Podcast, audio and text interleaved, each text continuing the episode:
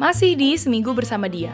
Dan temen gue meminta untuk disamarkan namanya karena memang topik kita yang kali ini cukup sensitif. Walaupun memang penting untuk dibahas, yaitu apalagi kalau bukan tentang menikah beda agama. Jadi hari ini gue dan dia akan ngobrolin everything soal isu menikah beda agama. Dan di episode ini, dia akan memberikan sebuah jawaban dari satu pertanyaan besar bagi kalian yang beda keyakinan nih sama pasangan. Yaitu, emang bisa ya nikah beda agama di Indonesia? Tapi lo orang berdua juga udah tahu kan maksudnya saat lo nanti menikah bakal banyak banget perbedaan uh, dari bukan cuma dari keyakinan tapi juga dari pihak keluarga terus juga dari prosesi-prosesinya juga ribet kan. Nah, justru tuh kalau orang kan normalnya lu jadian lu ditembak dulu apa segala macam kan. Kita tuh nggak kayak gitu. Kita tuh kayak ngomongin dulu. Kan kita udah deket nih, tapi kita beda nih, tapi sayang nih. Jadi bagaimana? Jadi caranya mulai mulai hubungannya pun dengan suatu agreement kalau kita harus toleransi bareng terus akhirnya kena di satu momen oh ternyata kita nggak main-main nih serius kan hmm. tadinya tuh kita kepengen nyari nikah ya udah uh, nyarinya di luar aja. Dan waktu itu tuh di Singapura masih bisa. Di Singapura bisa. Cuman lo uh, tinggal di situ dulu kalau nggak salah dua dua bulan apa empat minggu gitu. Cuman kan itu ngumpulin duitnya nggak sedikit ya dan nerbangin orang tua dan saudara kita saudara inti kita aja kan nggak sedikit kan. Iya iya. Ya udah tuh ya udah gue jadi gila kerja aja dengan alasan kan gue pengen kawin. Hmm. tapi udah gila nggak kekumpul-kumpul. Uangnya lu foya-foyakan juga memang anak milenial. Terus? Terus pada akhirnya, uh, jadi itu sebenarnya tahun 2018 temen gue udah udah ngasih tahu, eh lu nggak usah keluar negeri, lu bisa nikah di satu lembaga ini kok gitu kan. Akhirnya uh, 2019 akhir tuh, pokoknya 2019 lah, kayak temen-temen gue yang kalau dibilang satu geng sih enggak ya satu grup WA lah satu grup WA tuh nikah semua tiba-tiba. Terus kayak akhirnya selesai yang terakhir nikah gue barulah ngomong ke laki gue e, kita mau dibawa ke mana nih? Gitu kan hmm. pacaran udah udah sebentar. Terus dia masih pakai acara ngomong jadi kan uh, gue tuh pacarannya tuh awal awal tahun lah belum nyampe pertengahan tahun terus dia dan itu gue ngomong tuh akhir-akhir tahun 2019 terus dia ngomong ya udah nanti kita enif tahun depan bakal jadi momentum lah kita lihat emang bisa apa enggak kalau nggak bisa ya udah bubar aja gitu. Terus sampai satu ketika gue udah bete banget gue ngomong lah ini coba aja cek ini gitu kan. Karena gue udah ngecek cuman kalau misalkan gue ngecek sendiri dia hanya nggak serak ya sama aja bohong kan. Terus akhirnya dia ngecek dia dia riset lah tuh katanya. Dia baca-baca uh, ternyata dia adalah petingginya. Ada ustadz ustadz lah yang yang sering disebut-sebut gitu di di dia search di Google gitu.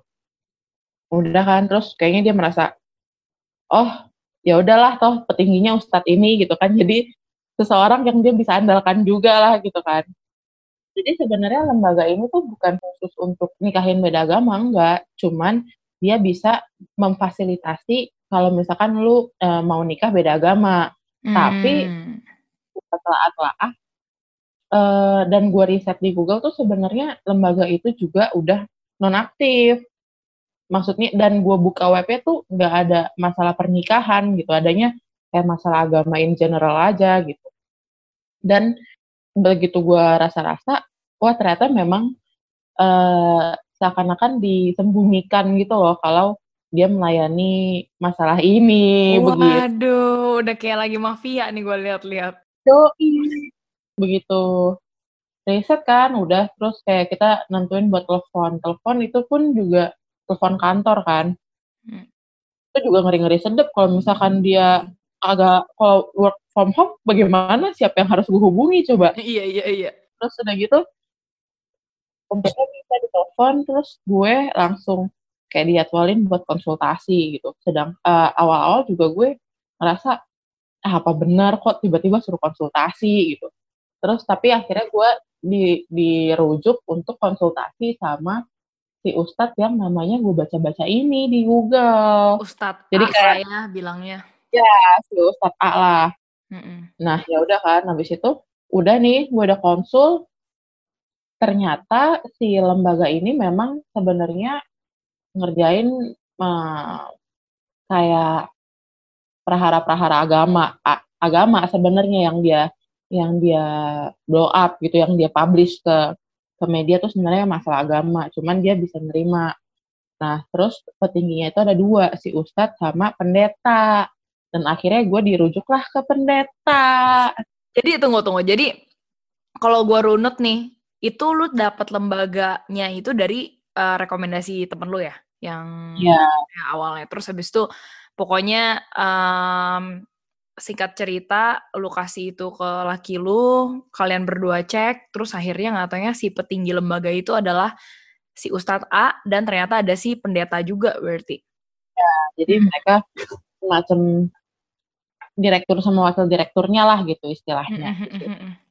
jadi tuh kan abis abis gue ketemu sama si Ustadz A, mm-hmm. gue di dirujuk ke si Pak Pendeta kan.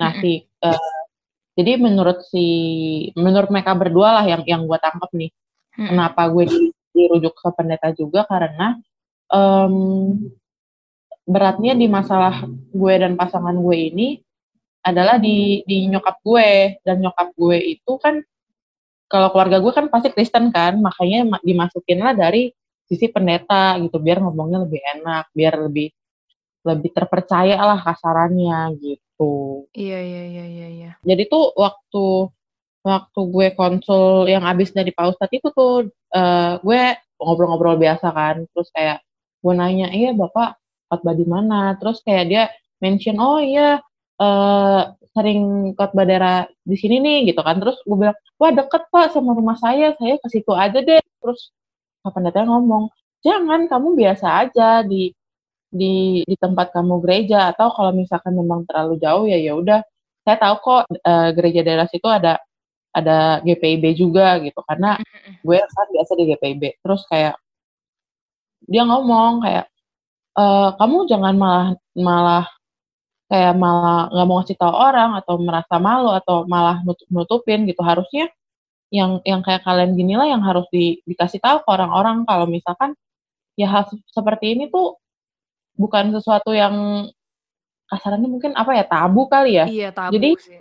Uh, karena harusnya tuh harusnya tuh kamu bisa bisa ngasih lihat ke orang kamu bisa bisa cerita ke orang-orang kalau misalkan hal seperti ini tuh ya ya jangan lu pandang sebelah mata, jangan lu jadikan tabu karena kita memang harusnya bisa saling bertoleransi. Ya, ya. ya kurang lebih dia ngomongnya kayak gitu sih. Mm-mm. Kayak ngerasa wah benar sekali ucapannya tapi sulit sekali dilakukan di kehidupan nyata gitu kan. Yalah di negara plus 62 kita sulit banget kayak lu Kristen Katolik kayak bisa masalah gimana yang lebih dari itu gitu kan. Dan bahkan gue tuh sempat ngomong ke jadi itu tadinya gue sampai udah bertekad sih.